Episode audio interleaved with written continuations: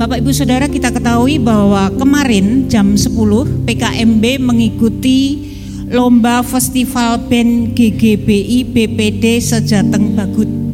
Puji Tuhan untuk best vokalis diraih oleh Saudara Immanuel dan ya beri tepuk tangan Saudara Immanuel bisa berdiri. Ya, puji Tuhan, terima kasih.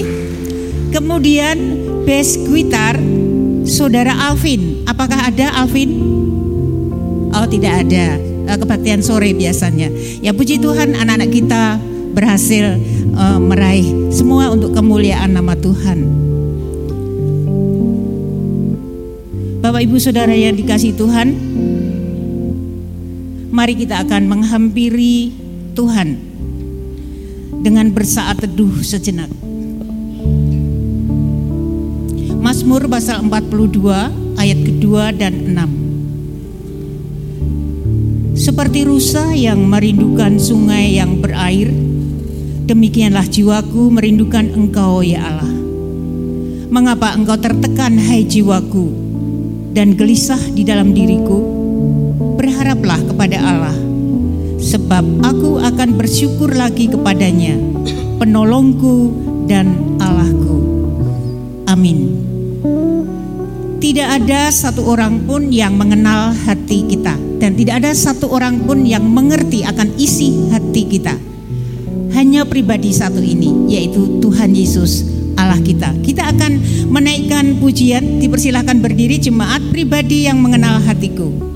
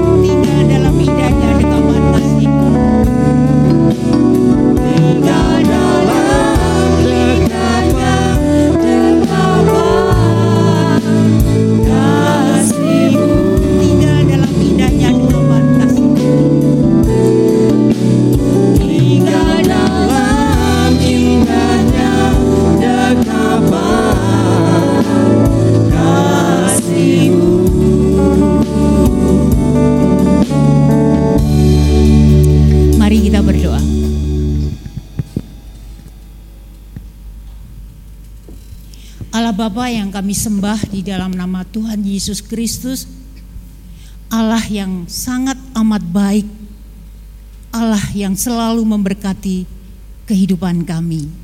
Bapa yang di surga, kami bersyukur untuk anugerah Tuhan yang senantiasa Engkau limpahkan kepada kami.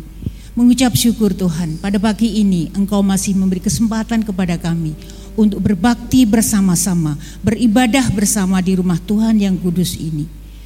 Tuhan kami menyerahkan hati dan pikiran kami. Tuhan kuduskan supaya kami bisa mengikuti ibadah pagi ini dengan benar di hadapan Tuhan. Bapak yang di surga, kami mengakui sepekan yang lalu banyak pelanggaran dosa yang kami lakukan kepada Tuhan dan sesama kami, baik dalam pikiran, perkataan, dan perbuatan. Untuk itu ampunilah kami ya Bapa.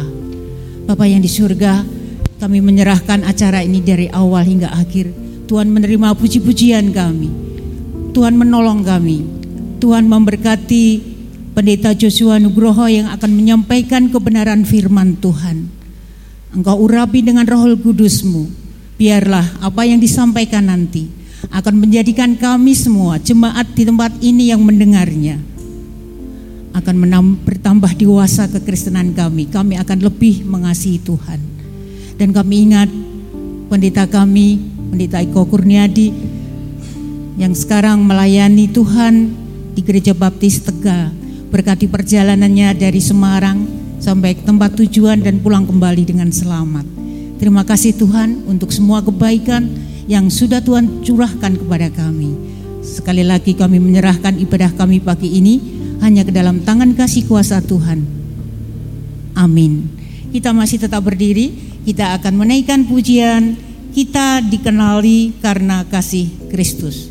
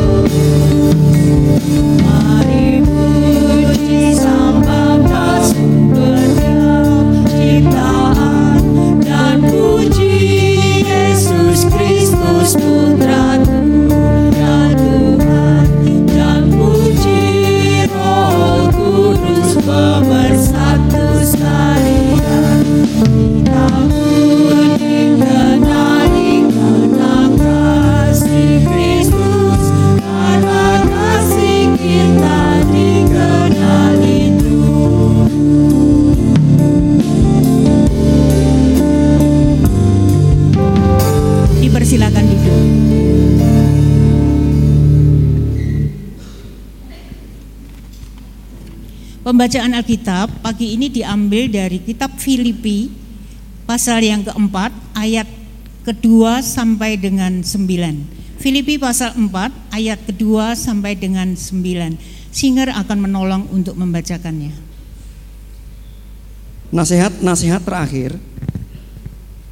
Eudia ku nasihati dan Sintike ku nasihati supaya sehati sepikir dalam Tuhan. Bahkan ku minta kepadamu juga Sun Sugos temanku yang setia, tolonglah mereka karena mereka telah berjuang dengan aku dalam pekabaran Injil bersama-sama dengan Clemens dan kawan-kawanku sekerja yang lain yang nama-namanya tercantum dalam kitab kehidupan. Bersukacitalah senantiasa dalam Tuhan.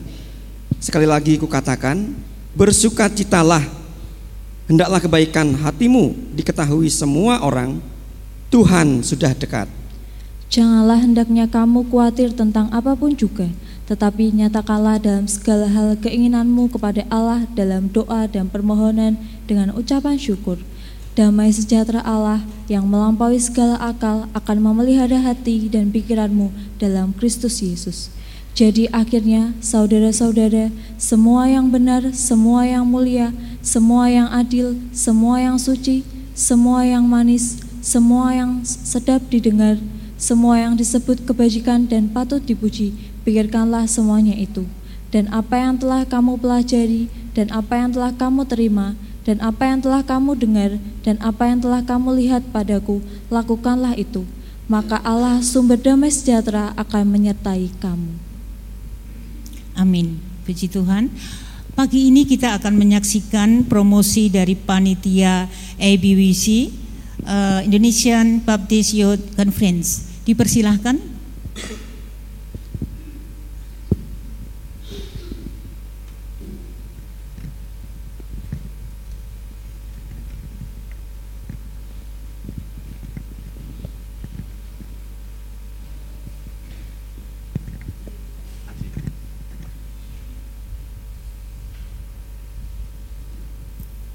Shalom Bapak Ibu Saudara.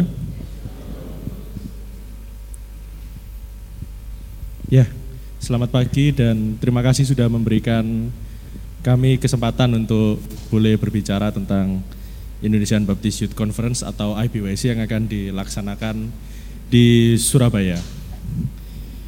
Next.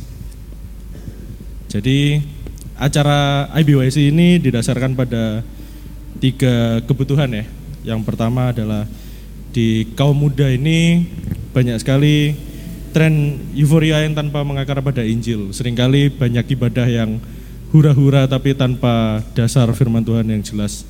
Lalu yang kedua, ada tren rasionalisasi firman Tuhan. Jika di kalangan pemuda mungkin sering mendengar semesta mendukung atau semesta menyertai, padahal sebenarnya yang menyertai itu Tuhan gitu.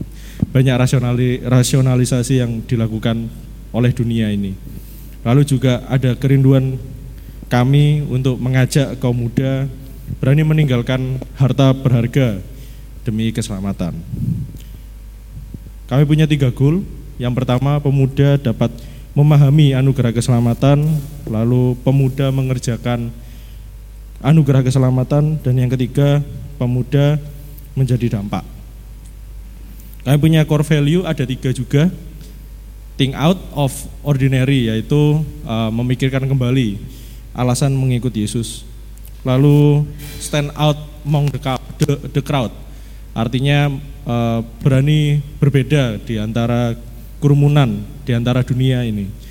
Lalu juga reach out to the world, yaitu berani uh, membagikan keselamatan kepada dunia.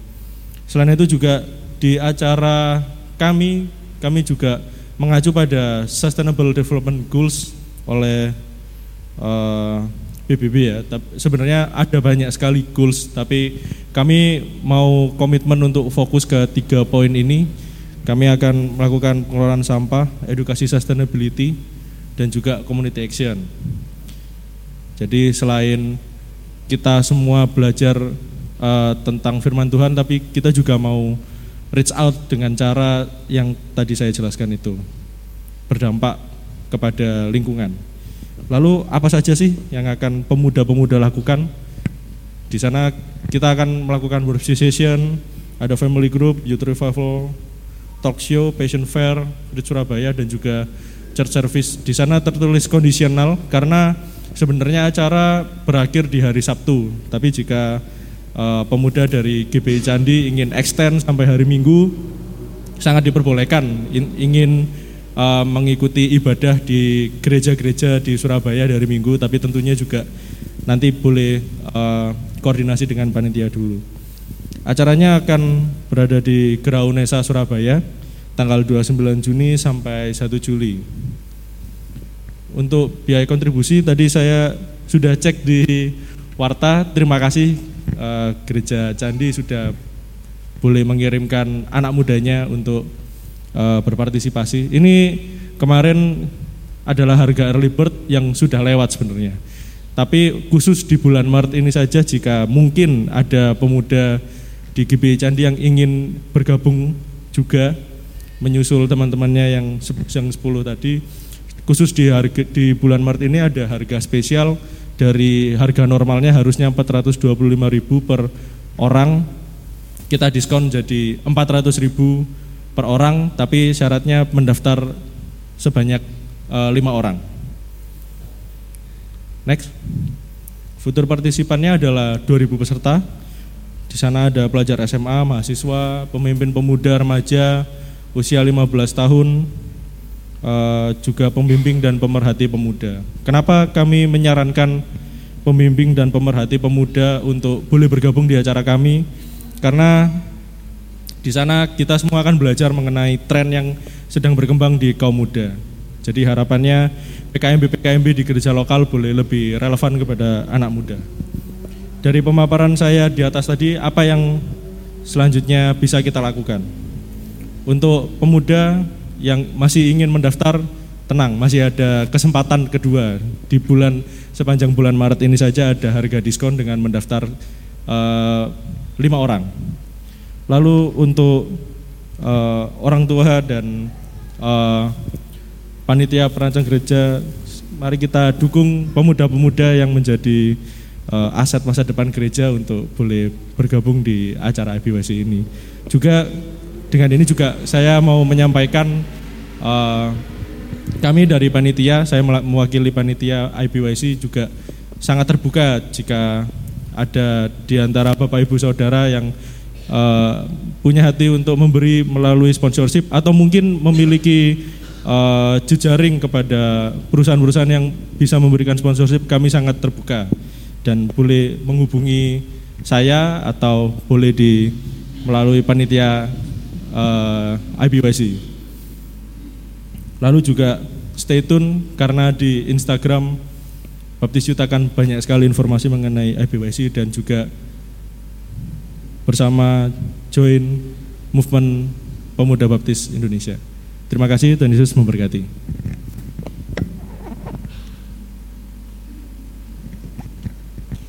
Terima kasih kiranya program EBWC bisa sukses dan puji Tuhan di gereja kita sudah diputuskan mengirim beberapa peserta. Puji Tuhan. Bapak Ibu Saudara yang dikasih Tuhan, tiba waktunya kita akan mempersembahkan persembahan dan persepuluhan kita kepada Tuhan. Namun kita awali dengan menaikkan pujian, adakanlah waktu. Nyanyian pujian nomor 286.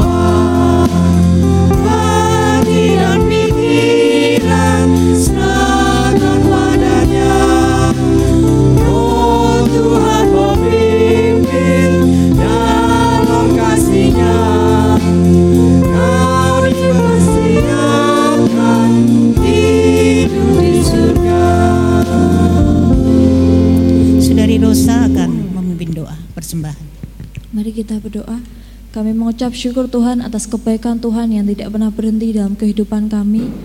Tuhan kami sungguh bersyukur diberi kesempatan untuk boleh memuji, memuliakan namamu, menyembah Engkau Tuhan. Tuhan tiba saatnya kami akan memberikan yang terbaik melalui persembahan persepuluhan kami Tuhan. Bila apa yang kami berikan boleh menjadi berkat bagi pelayanan di gereja kami dan lingkungan di gereja kami juga Tuhan. Kami mau menyerahkan persembahan persepuluhan ini ke dalam tangan kuasamu. Dalam nama Tuhan Yesus, haleluya, amin. Sementara kantong persembahan diedarkan sehingga akan menaikkan satu pujian. Yesus pokok dan kita carangnya.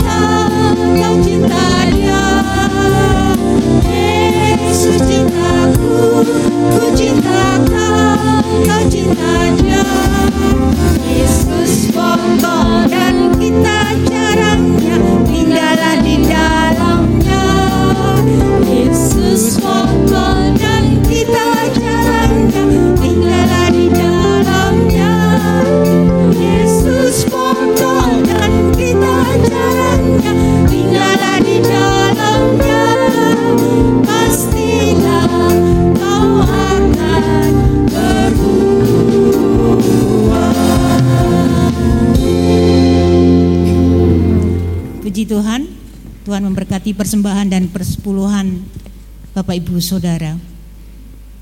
Saat ini paduan suara gereja akan menaikkan satu pujian.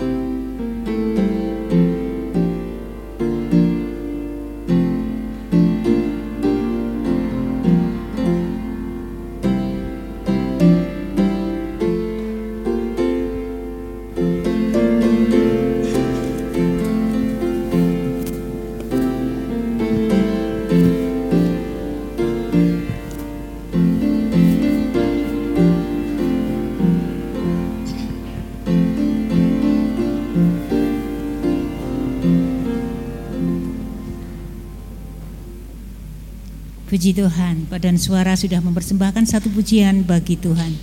Kita akan mempersiapkan hati dan pikiran kita untuk mendengarkan kebenaran firman Tuhan yang akan disampaikan oleh Pendeta Joshua Nugroho. Kita akan awali dengan pujian bahasa cintamu. Jemaat dipersilahkan berdiri.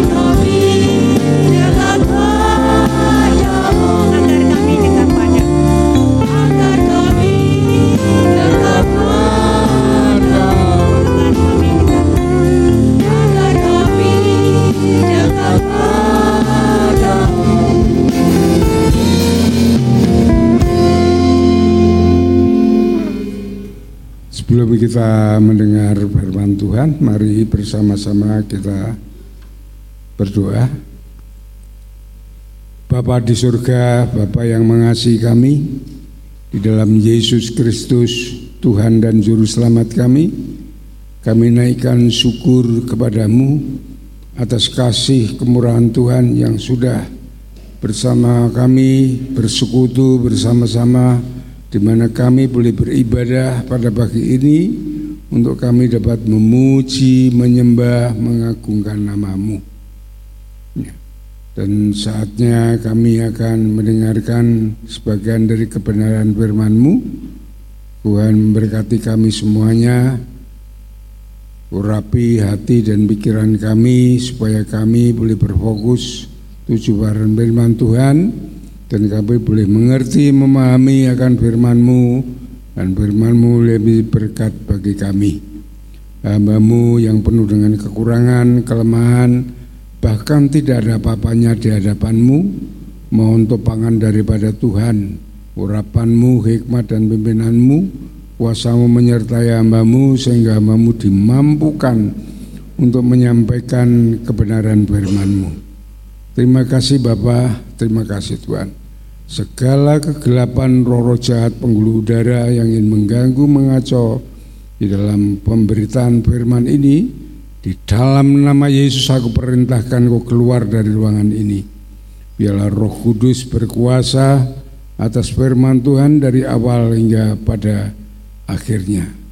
Kami serahkan seluruh doa ini ke dalam tangan kuasamu, dalam nama Tuhan Yesus kami naikkan syukur dan doa kami. Haleluya. Amin. Dipersilakan duduk kembali. Shalom saudara-saudaraku yang dikasih Tuhan ya. Terutama saya mengucapkan syukur kepada Tuhan ya, mengucapkan terima kasih atas acara tukar mimbar ini di mana saya boleh menikmati mimbar ini mungkin sekali lagi ini ya karena saudara-saudara seperjuangan saya, sahabat saya semua sudah mendahului saya. Pulang ke rumah Bapak di surga. Ada Diakon Stopo ada Diakon Abraham Sudadi Diakon John Stresno Diakon Suyarno semua sudah mendahului saya. Ya, saya tidak tahu mengapa saya masih diberi kesempatan oleh Tuhan untuk masih berkarya di dalam pelayanan di dunia ini. Ya. Yang masih tinggal di sini yang saya kenal adalah Diakon Andreas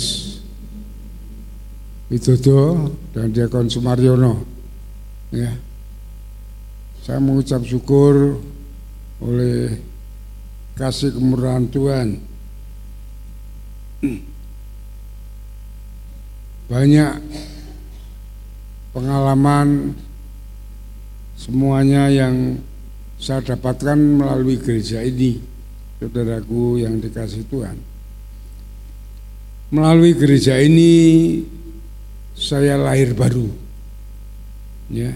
Tahun kalau tidak keliru tahun 1985 ya.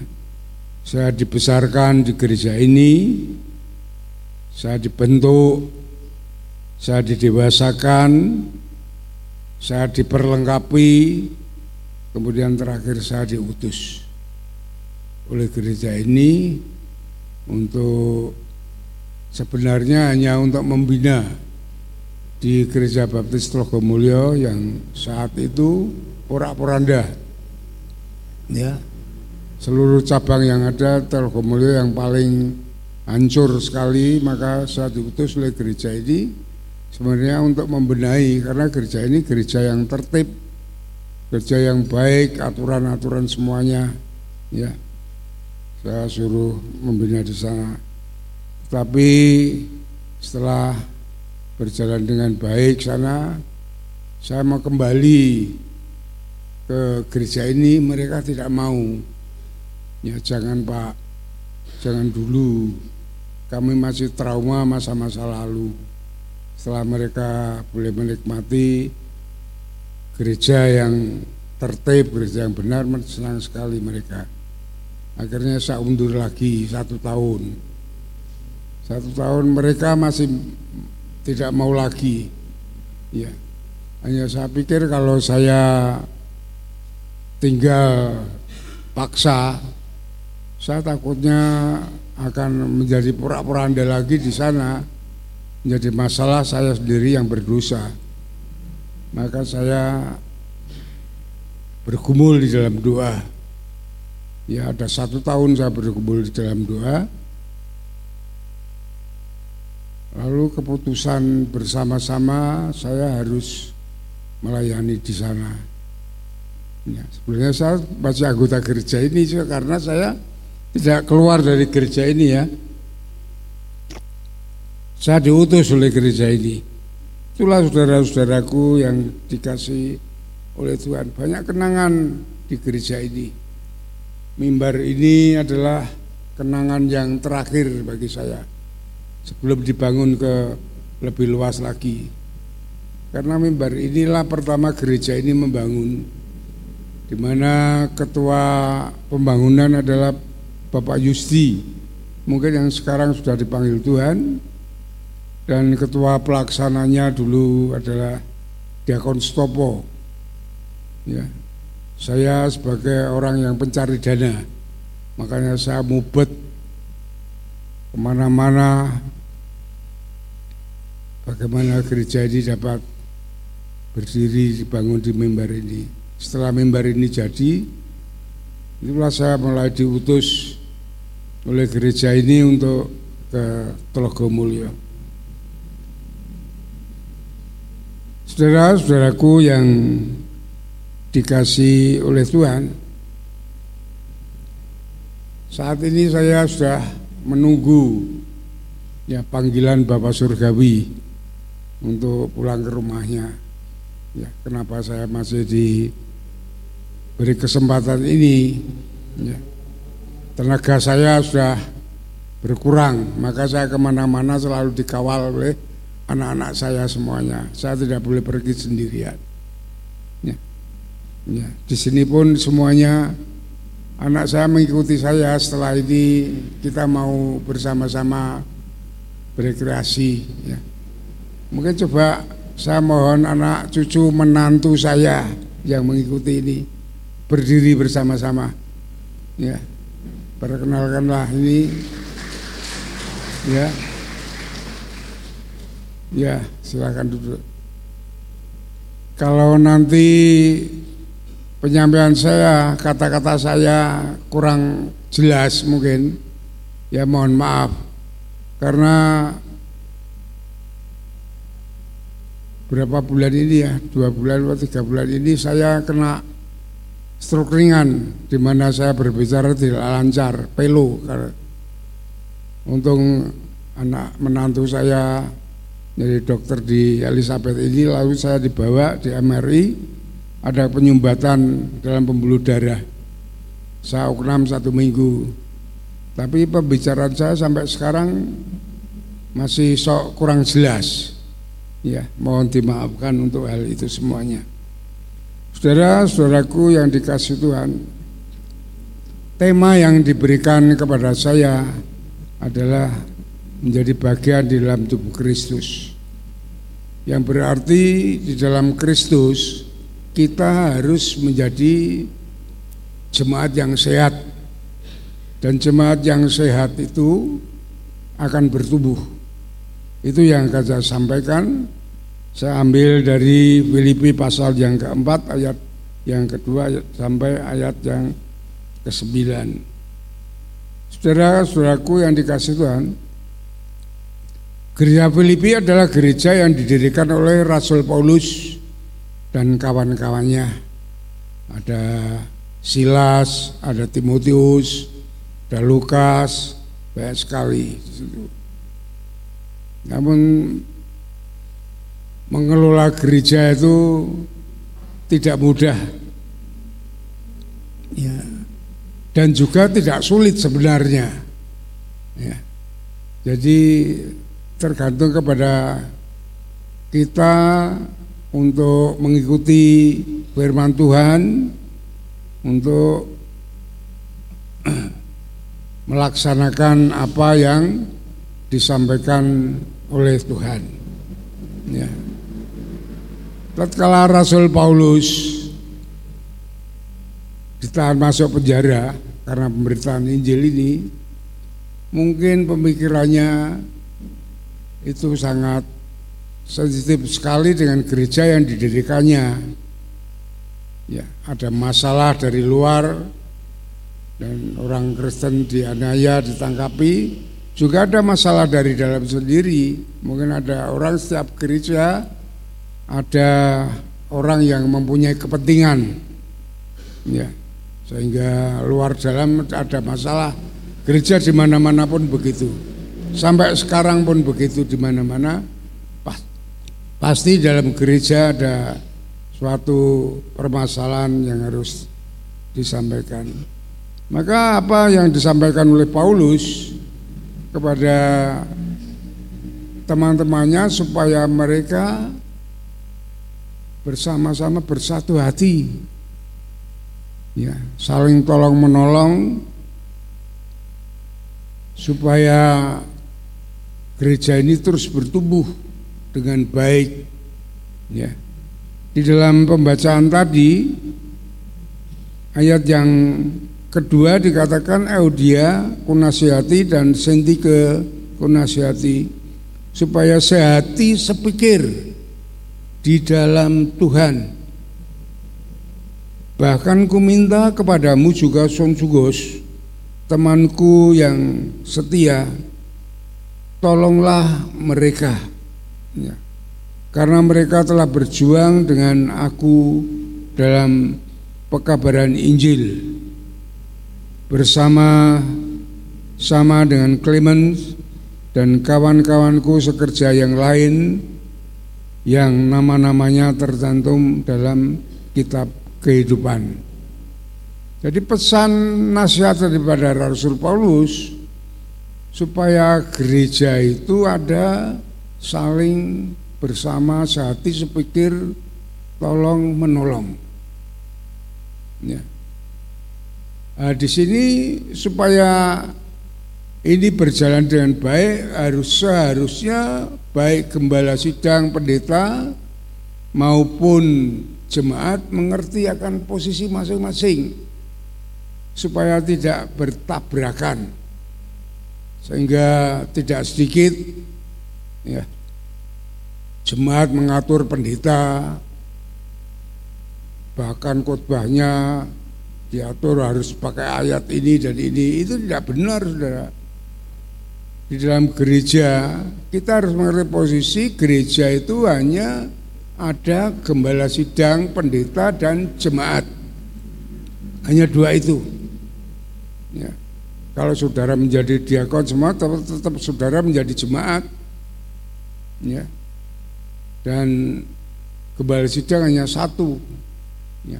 Nah, di situ supaya bisa bekerja sama maksud Rasul Paulus begitu akan tugas mereka masing-masing. Ya.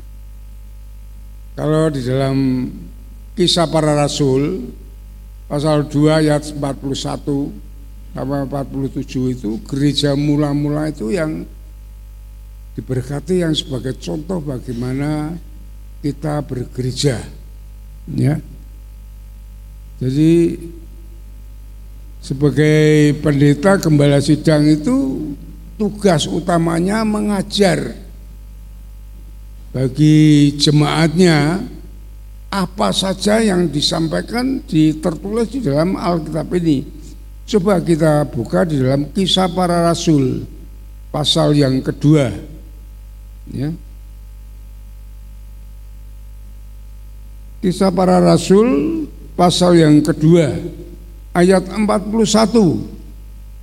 Di sini dikatakan ya di mana para rasul termasuk Petrus saat itu yang utama ya, yang menjadi pemimpin dalam gereja itu dikatakan di sini orang-orang yang menerima perkataannya itu memberi diri dibaptis pada hari itu jumlah mereka bertambah kira-kira 3000 jiwa. Jadi setelah orang-orang itu diberitakan Injil dan mereka bertobat, dibaptis lalu ayat 42 mengatakan mereka bertekun dalam pengajaran rasul-rasul. Ya. Jemaat mendengarkan tekun pengajaran rasul-rasul para pemimpin gereja para pendeta kembali sidang di sini. Ya.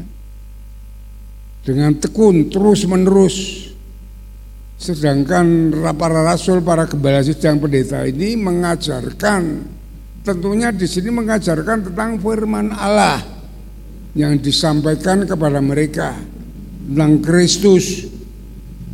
mengajarkan tentang persekutuan, mengajar tentang doa, mengajarkan tentang saling mengasihi. Ya. Sehingga ada kerjasama antara jemaat dan pendeta dengan baik.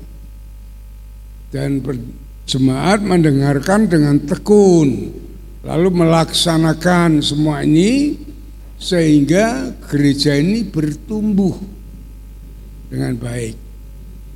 Ya.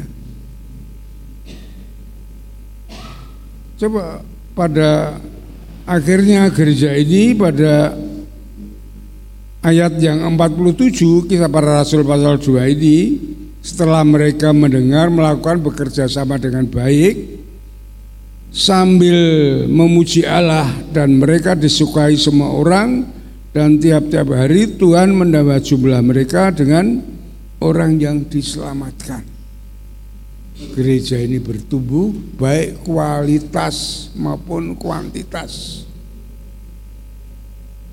Itu adalah gereja yang ada di dalam Kristus itu menjadi bagian dari tubuh Kristus itu demikian ini. Saudara-saudaraku yang dikasih Tuhan, Semenjak saya diutus masuk di dalam Gereja Baptis Mulyo, di situ aturannya sudah amburadul, tidak karuan semua. Tidak ada pernah ada rapat, baik rapat perancang maupun rapat urusan gereja, tidak ada laporan keuangan, sudah amburadul semuanya. Saya lihat kalau ada tukar mimbar, itu mereka memberikan tanda kasih itu menyompot saat persembahan itu diberikan. Dicopoti dimasukkan untuk tanda kasih untuk bahasa tidak ada aturan yang baik di situ. Semua. Pelayanan pun tidak ada. Pelayanan hanya satu keluarga. Ini saya masuk di situ bingung saya. Biasa di gereja candi yang tertib, yang teratur masuk gereja seperti di KPW saja, asal saja. Itu saya berdoa kepada Tuhan bagaimana saya ini orang yang tidak dibekali di teologi di STBI, saya hanya seorang diakon, suruh membenahi ini oleh pendeta, oleh gereja apa, apa saya yang harus lakukan saya berdoa kepada Tuhan ya. Saya minta kepada Tuhan supaya firman Tuhan yang saya sampaikan itu menjadi jawaban bagi mereka semuanya memang tidak mudah saudara untuk merombak gereja yang sehat gereja yang benar ya, sehingga gereja ini boleh bertumbuh tidak tidak mudah saudara. Ada kontra, ada segalanya tidak terima dan segalanya. Tetapi saya harus tegar. Saya merasa di saya diutus berarti Tuhan mengutus saya. Saya harus lakukan, saya minta kekuatan kepada Tuhan. Untuk semuanya itu peralatan semuanya milik keluarga, satu keluarga yang melayan di mimbar semuanya tidak ada. Ini tidak benar gereja yang demikian ini. Kemudian saya rombak pelan-pelan, ya. Gereja harus mempunyai fasilitas yang benar, yang dimiliki oleh gereja supaya gereja itu sehat. Yang pertama saya persembahan di sana tidak keruan saudara. Pertama masuk saya di sana persembahan katanya ada orang kaya, tetapi perpuluhan persembahan satu bulan itu hanya 55 ribu. Itu kalau dulu bensin itu 500 rupiah itu hanya dapat dibelikan bensin itu 110 liter. Saudara bayangkan. Bagaimana gereja itu bisa hidup untuk mengadakan melakukan operasional? Tidak bisa, saudara. Mulai saya membenahi di sana dan saya keyboard yang pertama saya beli keyboard bekas third di Purnomo. Satu juta waktu itu saya beli. Mulai jemaat yang bisa main keyboard memulai ya. Kita mulai gereja yang tertib gereja yang sehat. Itu tidak terus ada teror tidak terima orang yang di tapi tidak saya terus jalan terus dengan baik. Ya. Nah, dari situlah kita mulai dapat bekerja sama antara jemaat dan pendeta. Walaupun saya belum pendeta saat itu, tapi bisa bekerja sama antara pemimpin gereja dan jemaat. Ya. Gereja mulai bertumbuh.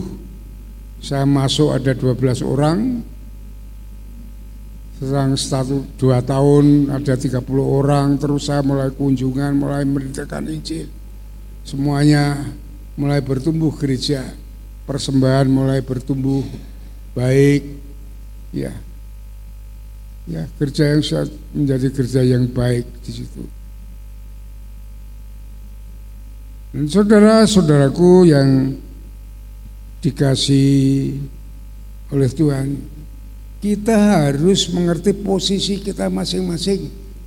Jangan sampai kita menabrak ya aturan-aturan posisi kita sebagai jemaat, kita sebagai pendeta ya harus sesuai dengan firman Tuhan yang ada sebagai dasar hidup kita. Dasar berjalannya gereja ini.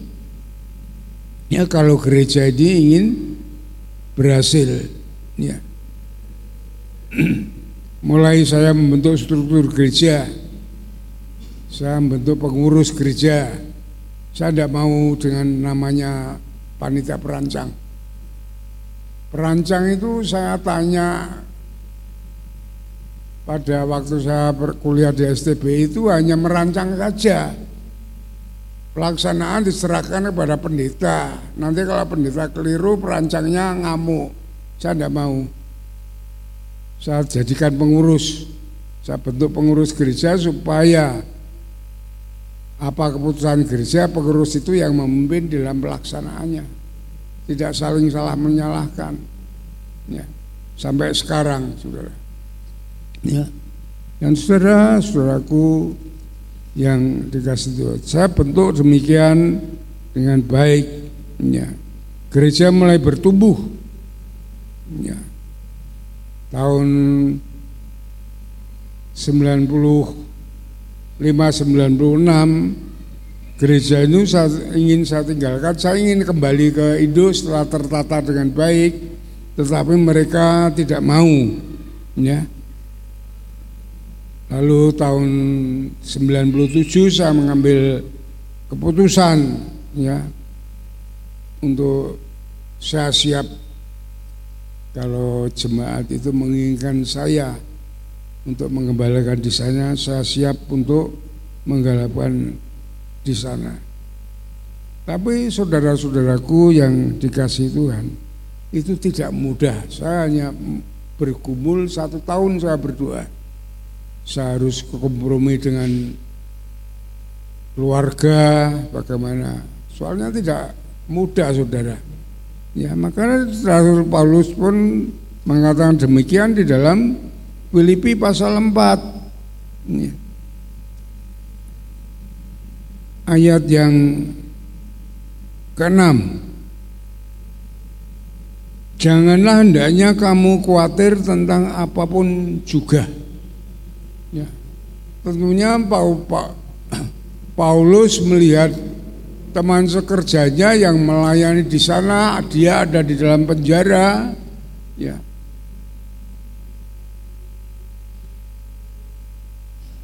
teman yang melayani banyak tekanan dari penguasa saat itu di dalam sendiri Paulus mengerti ada permasalahan intern yang tidak mudah. Ya. Mereka bagaimana mereka harus melayani, mereka harus hidup. Maka Paulus mengatakan di sini, hendaklah kamu jangan khawatir tentang apa pun juga. Ya. Kekhawatiran itu melanda setiap orang, menjadi bagian hidup dari semua orang, termasuk saudara dan saya. Siapa yang tidak pernah khawatir? Semua akan khawatir tentang acara hidup ini, tentang keluarga, tentang ekonomi, tentang masa depan dan semuanya. Saya pun waktu ingin mengambil keputusan untuk memenuhi permintaan Jemaat Logomulyo ini saya menjadi gembala di sana, saya penuh kekhawatiran juga, saudara. Ya khawatir tentang keluarga. Saudara bayangkan sebelum saya mengambil keputusan melayani di sana, saya bekerja menjadi manajer teknik itu saat itu gaji saya sudah satu juta ini. Sedangkan di sana persembahan 200 ribu. Saya mau diberi satu seratus ribu. Ya. Dari induk 25 ribu. Saudara bayangkan uang sekian apa nyampe untuk dalam hidup anak saya yang waktu itu tiga-tiganya masuk kuliah semua. Mulai masuk kuliah. Indra yang nomor dua itu sampai dia beritahu, beritahu saya Pak saya diterima di Unika.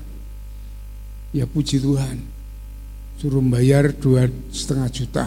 Wah bapak anda punya duit aku. Saya bilang gitu terus terang. Jangan cari yang mahal-mahal. Cari perkuliahan yang bisa dijangkau. Ya yang murah saja. Ya sudah saya tak kuliah di akademi perhotelan ya silahkan saya bekerja di mana saja asal itu diberkati Tuhan itu tidak masalah saudara kerja apa saja, sekolah ke mana saja silakan. Puji Tuhan, Tuhan memberikan jalan keluar. Dia diterima di Universitas Negeri 11 Maret Surakarta. Hanya membayar 350 ribu. Ya, cara Tuhan itu sangat luar biasa kalau mau memberkati. Ya. Itu belum yang lainnya, belum piping harus masuk bersamaan Anis. Kami tidak punya uang, tapi Tuhan memberikan menjadi kekhawatiran kami. Tapi Tuhan menolong semuanya. Kekhawatiran yang kedua, ya, setelah saya mengambil keputusan itu, kami dapat surat dari kelurahan yang ditandatangan 58 orang suruh pindah dari Tlogomulyo, tidak boleh ada gereja di situ. Ada teror dari dalam lagi orang yang tidak terima itu lagi. Banyak sekali permasalahan. Ini kalau jemaat saya beritahu, jemaat akan kacau. Saya bilang sama jemaat, sudah tenang kita tetap beribadah, tetap berbakti, semua saya yang akan menghadapi. Ya, saya sendiri yang akan menghadapi. Itu tembusannya ke wali kota, ke gubernur. Ya dari surat kelurahan resmi itu. Kemudian saya dapat panggilan ke wali kota waktu itu sospol ya. Sospol dari pemerintahan ada. Di situ ada kodim, ada komtabes, ada KUA sidang semua bersama dengan saya dengan satu orang saya, saya ajak mereka berdebat sendiri satu dengan yang satunya saya tidak ber, tidak ditanya tidak berita apa-apa iya seperti dalam firman Tuhan diam saja kamu dalam Lukas kan kata-kata demikian mereka berdebat satu dengan yang lain, akhirnya gereja ditinjau oleh DPR, ada tujuh orang. Ya, tujuh orang DPRD ninjau. Gereja jaraknya dengan musola mungkin dan segalanya. Setelah ditinjau, kami dapat panggilan yang kedua Panggilan dari Kota Madya yang kedua, ternyata panggilan itu saya diberi surat izin mendirikan ibadah dari wali kota Sutresno Soeharto. Terus orang-orang di situ mungkin orang-orang Kristen bilang, Pak, ini cepat diurus IMB-nya, pupung ada kemudahan. Yang ngurus IMB tidak ada satu bulan tanpa biaya IMB itu keluar. Tahun 1998 IMB itu keluar mau bangun tidak punya uang. Ya kami berdoa dengan jemaat. Berdoa hanya senjata kami berdoa, oh saya tidak kenal siapa-siapa, rumah saya dikelut, kali garang, saya melayani di sana. Itu loh kemulia tidak kenal siapa siapa. Lurahnya tidak kenal siapa pun tidak kenal. Kenalnya hanya Tuhan Yesus. Kami bersama jemaat berdoa bersama-sama. Ternyata kami dapat membangun. Dana bisa kami dapatkan dari jemaat pun antusias untuk bersama-sama membangun semuanya. Akhirnya kami dapat membangun gereja itu. Dan jemaat semakin semangat ya. Semakin sungguh-sungguh dalam mengikut Kristus dalam melayani Tuhan bersama-sama. Itu yang menjadikan kebanggaan saya. Melayani di sana yang tadinya beradul sekarang mereka sudah dapat bersama-sama melayani Tuhan ya maka jangan khawatir. Rasul Paulus mengatakan jangan khawatir tentang apa pun juga. Tetapi serahkanlah dalam segala hal keinginanmu kepada Allah dalam doa dan permohonan dengan ucapan syukur. Ya. Ucapan syukur itu sangat amat penting sekali bagi kita, saudara di mana ucapan syukur sering kita naikkan justru berkat Allah semakin melimpah. Baik berkat rohani maupun berkat jasmani semakin melimpah. Kami dicukupkan segalanya, sukacita, damai sejahtera, apa pun pelayanan berjalan dengan baik. Ya, penambahan jiwa-jiwa terus berjalan. Ya. Syukur yang pertama adalah masa lalu kita mengucap syukur kalau dari dari masa lalu kita sudah dipanggil Tuhan menjadi umatnya, diberi keselamatan, dipelihara dengan baik, itu ucap syukur kita yang pertama. Ucapan syukur yang kedua adalah ucapan syukur yang saat ini kita hadapi. Apa pun permasalahan kita, baik tentang pelayanan, tentang keluarga, tentang masa waktu itu kita hadapi. Kita mengucap syukur kepada Tuhan. Dan yang ketiga ucapan syukur yang akan datang. Apa yang akan kita harapkan kepada Tuhan? Ya. Mengapa kita harus mengucap syukur? Tuhan selalu mendengar doa kita dan Tuhan selalu memberikan jawaban yang terbaik untuk kita. Iya saudara. Itu kita selalu mengucap syukur maka Rasul Paulus mengatakan demikian. Maka saudara kalau berdoa itu dengan sungguh-sungguh merasakan hal yang demikian. Ya. Bahwa Tuhan itu selalu mendengarkan doa kita dan Tuhan selalu menjawab doa-doa kita. Ya. Coba kita buka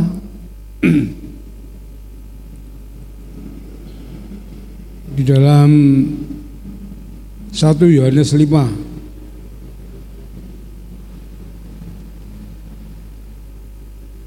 1 Yohanes 5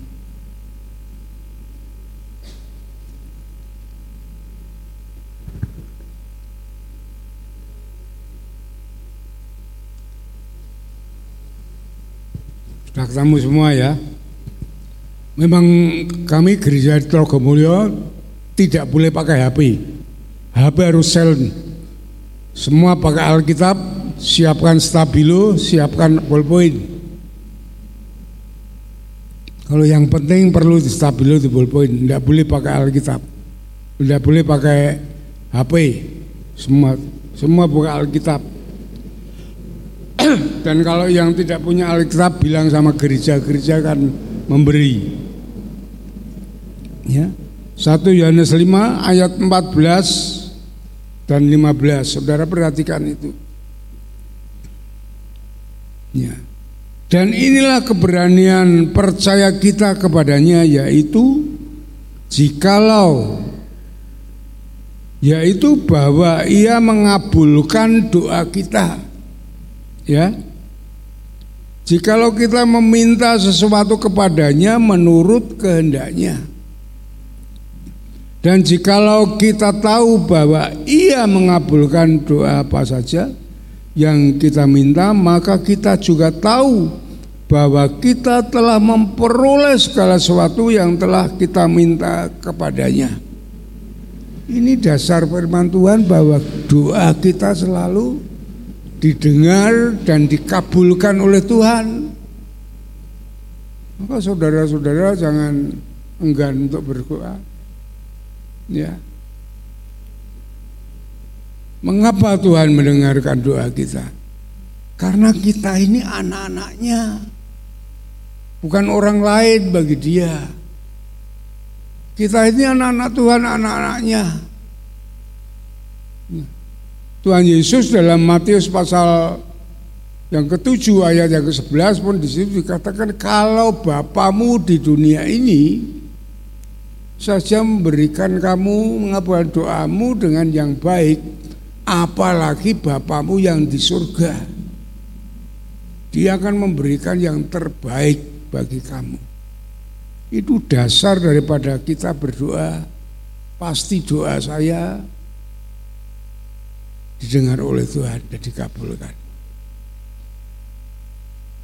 Maka saya di Trogomulyo mengadakan selain doa yang lainnya ada doa Rabu saya bikin doa dan pujian, doa pagi, doa online, hari Selasa doa online, doa pagi hari Sabtu, ada doa anak, doa ibu-ibu pun antusias, ada 20 lebih selalu mengikuti doa anak ini. Ya, walaupun mereka sibuk ada yang bekerja yang semuanya. Lalu doa pribadi. Saya mengharapkan jemaat semua ada doa pribadi. Doa pribadi inilah yang menyentuh hati mereka. Mengerti, merasakan artinya doa.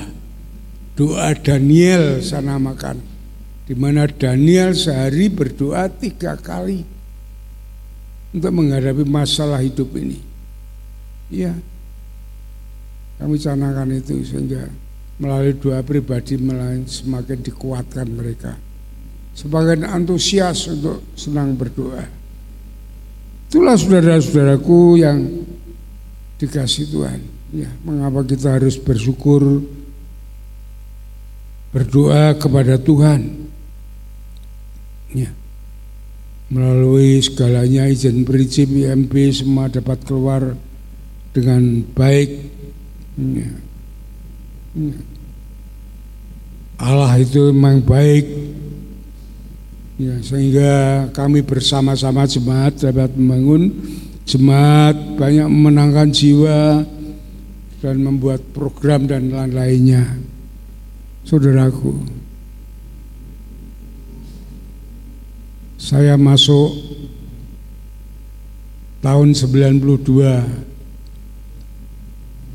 1992 itu jemaat hanya 12 tahun tanah gereja kami beli rumah itu 250 meter persegi dari papan sengon kalau dulu rumahnya. Nah, karena ada kesatuan jemaat bersama-sama kerjasama satu dengan dua, saya sudah membaptiskan sampai saat ini ada 500 lebih. Ya, tahun kemarin saja 26 saja baptisan. Ya, kami bisa beli tanah sampai 1500 meter persegi sekarang dapat membangun gereja, membangun sekolahan untuk TK untuk mengajar pengambanan amanat agung, mengajar mereka tentang Kristus untuk menjangkau jiwa-jiwa.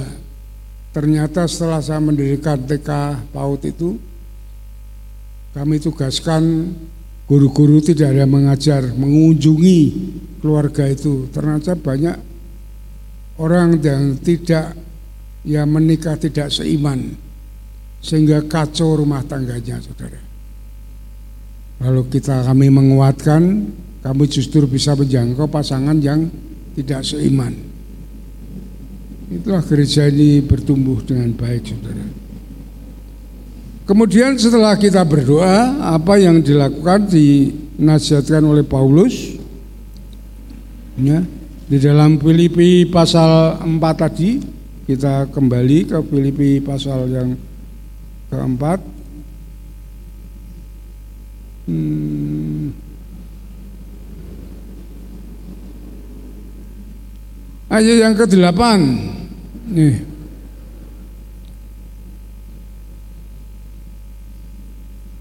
Ayat yang ketujuh itu nanti setelah kita berdoa oleh mengatakan damai sejahtera Allah yang melampaui segala akal, segala akal akan memelihara hati dan pikiranmu di dalam Kristus Yesus.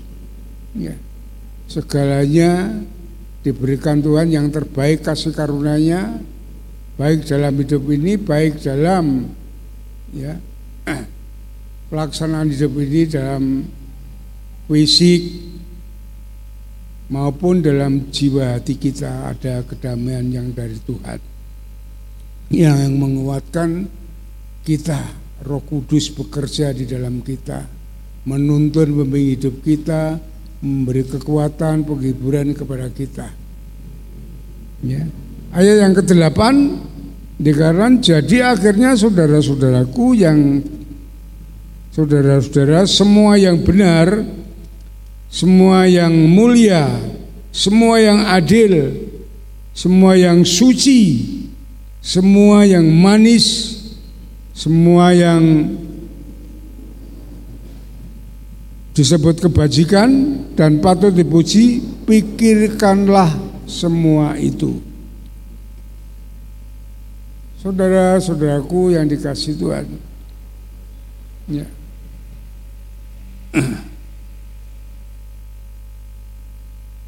Ternyata semua itu puncak ada di dalam pikiran kita. Ya. Karena di dalam pikiran kita, kita itu bisa mengambil, dapat mengambil keputusan. Langkah hidup kita, keputusan apa pun juga. Ya. Semua melalui pikiran kita. Kalau pikiran kita, pikiran yang jelek, ya dendam, sirik semuanya itu ya langkah hidup kita demikian. Jadi orang yang pendendam, jadi orang yang sirik, yang merintangi pelayanan Tuhan dan semuanya. Tetapi pikiran kita kalau pikiran kita baik seperti ayat 8 ini, ini ada di dalam firman Tuhan. Pikiran kita harus disesuaikan dengan firman Tuhan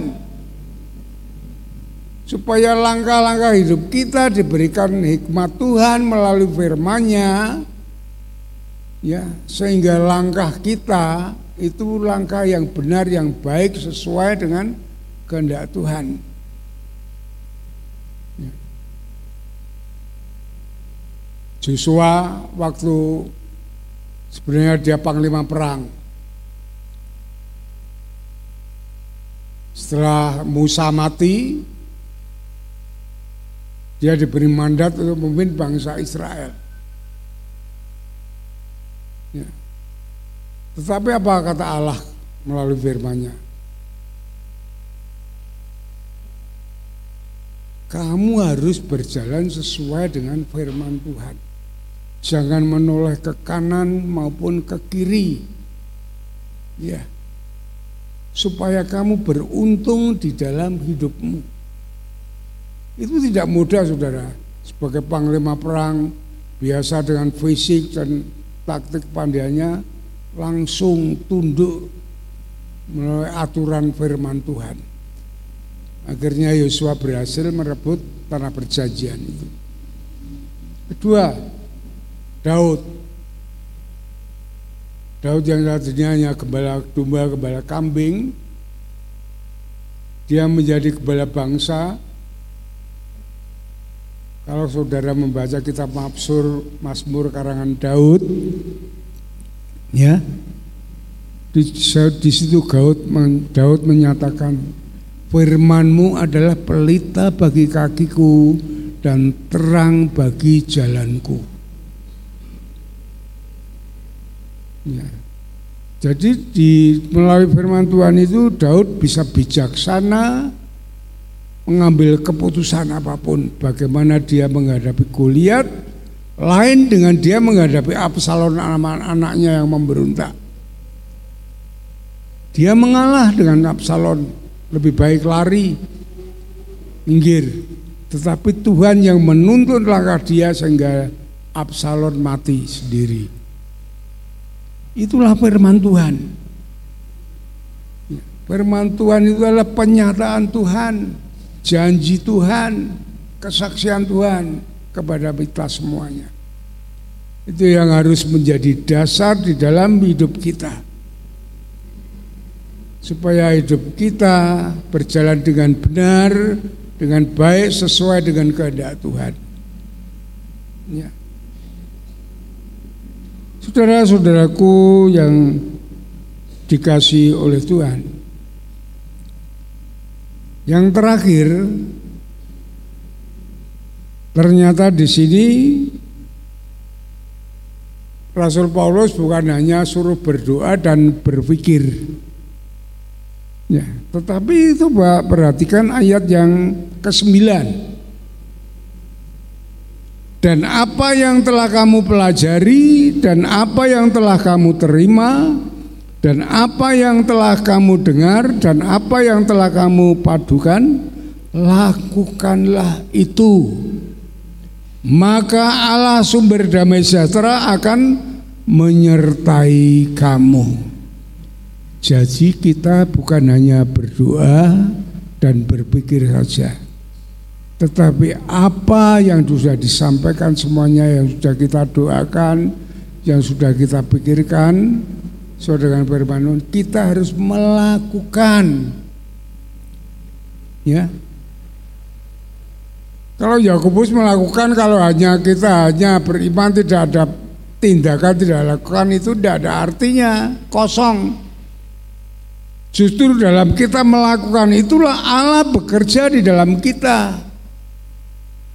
Allah turut bekerja untuk mendatangkan satu kebaikan bagi orang yang mengasihi Dia. Orang yang mengasihi Dia itu kalau di dalam Yohanes pasal yang ke-15 ayat 21 23 itu orang yang mau melakukan perintah Tuhan, orang yang melakukan mau melakukan firman Tuhan itu orang yang mengasihi dia. Jadi orang yang mau melakukan firman Tuhan, ya Allah bekerja bersama dengan dia. Itu yang membuat keberhasilan hidup kita. Menjadikan sukses dalam hidup kita. Baik secara ras jasmani maupun secara rohani. Daud itu Joshua berhasil dalam jasmani maupun rohani dekat dengan Tuhan, mengandalkan Tuhan, hidupnya menjadi pemimpin yang baik membawa bangsa Israel sangat luar biasa. Iya saudara, menjadi orang yang bijaksana. Tuhan Yesus mengatakan di dalam Matius pasal 11 ayat yang ke-24 orang yang mendirikan ya rumah di atas batu ya bagaikan orang yang mendengarkan firman Tuhan ya yang melakukannya itu akan menjadi orang yang bijaksana orang yang kuat menghadapi hidup ini walaupun ber, apa pun yang menimpa. Itu yang penting saudara. Kita bukan kita memang pintar menyanyi kita pintar merancang semuanya pelaksanaannya. Ini yang penting bagi kita. Kalau kita tidak melakukan kita tidak mendapatkan apa-apa. Ya. dan Yesus mengatakan ayat 25 dalam Matius 7 kalau kamu hanya mendengar dan tidak melakukan seperti kamu mendirikan rumah di atas pasir, kena angin roboh. Hidup ini kena masalah sedikit sudah lari dari Tuhan. Ya. Tidak sedikit orang Kristen yang lari dari Kristus. Betul saudara, termasuk para pendeta mualaf semuanya itu. Itu karena mereka hanya berdiskusi, berdebat dengan pikirannya, kepandaiannya, pengetahuannya, tapi tidak melakukan. Mereka menjadi orang yang lemah. Dan marilah saudara-saudaraku yang dikasih oleh Tuhan. Kita bukan hanya berdoa, kalau kita hidup di dalam Kristus ya, kita bukan hanya berdoa, kita bukan hanya berpikir yang baik, tetapi kita mau melakukan semuanya itu. Ya. Pasti Tuhan menyertai dan Tuhan berkati. Gereja Baptis Trogomulyo itu cabangnya candi. Tapi seluruh cabang candi yang menonjolkan Trogomulyo ya sekarang diperhitungkan oleh para dosen semuanya mengapa Trogomulyo begitu cepat untuk bertumbuh? Dengan baik dapat disajarkan dengan gereja-gereja besar di Semarang ini. Ya kami beribadah pun kedatangan kehadiran 300 lebih saudara. Semua kegiatan ada. Dari hari Senin sampai hari Minggu. Sebelumnya hari Senin kami istirahat, tapi kemarin ada program veritas ini ya diisi dengan veritas sehingga seminggu full tidak ada istirahatnya program mulia. Iya saudara. Kita melakukan semua bukan hanya rancangan itu, pelayan-pelayan Tuhan setiap sebulan sekali berkumpul dalam fellowship ada 40 pelayan Tuhan ya. untuk kita anak apa namanya evaluasi semuanya pembenahan pembenahan pelaksanaan dalam pelayanan itu. Ya. Gereja bertumbuh. Gereja yang sehat adalah gereja yang ada di dalam Kristus yang berdoa yang berpikir dengan benar yang melakukan firman Tuhan. Amin. Mari kita tunduk kepala. Kami mengucap syukur Tuhan untuk firman-Mu. Pada pagi hari ini Engkau sudah memberikan pengertian kepada kami di mana kami mengikut Engkau. Karena Engkau memanggil kami untuk kami diberkati dan menjadi berkat supaya kami menjadi saksi Tuhan dan banyak orang yang dimenangkan yang percaya kepadamu. Berkati Gereja Baptis Candi untuk terus bertumbuh di dalam Tuhan, mengembangkan sayapnya, menumbuhkan gereja ini menjadi pancaran berkat bagi semua orang.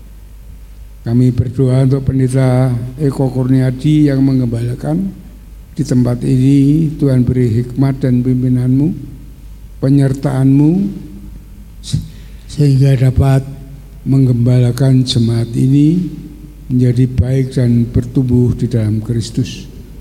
Berkati seluruh jemaat-Mu di tempat ini untuk semakin kuat di dalam Tuhan, semakin diberkati Tuhan dan menjadi berkat bagi orang lain. Terima kasih Bapak, terima kasih Tuhan. Kami serahkan semua ini, dua ini ke dalam tangan kuasamu, di dalam nama Tuhan Yesus, Juru Selamat kami. Haleluya, amin. Ya. Gereja Mas. mengucapkan terima kasih. Eh, Pendeta Joshua Nugroho sudah menyampaikan kebenaran firman Tuhan. Tuhan memberkati pelayanan Bapak dan keluarga. Terima kasih. Eh, Bapak masih di sini. Jemaat yang dikasih Tuhan, kita akan berdiri, kita akan mengakhiri ibadah kita pagi ini. Pendeta Joshua Nugroho akan memimpin doa syafaat dan doa berkat.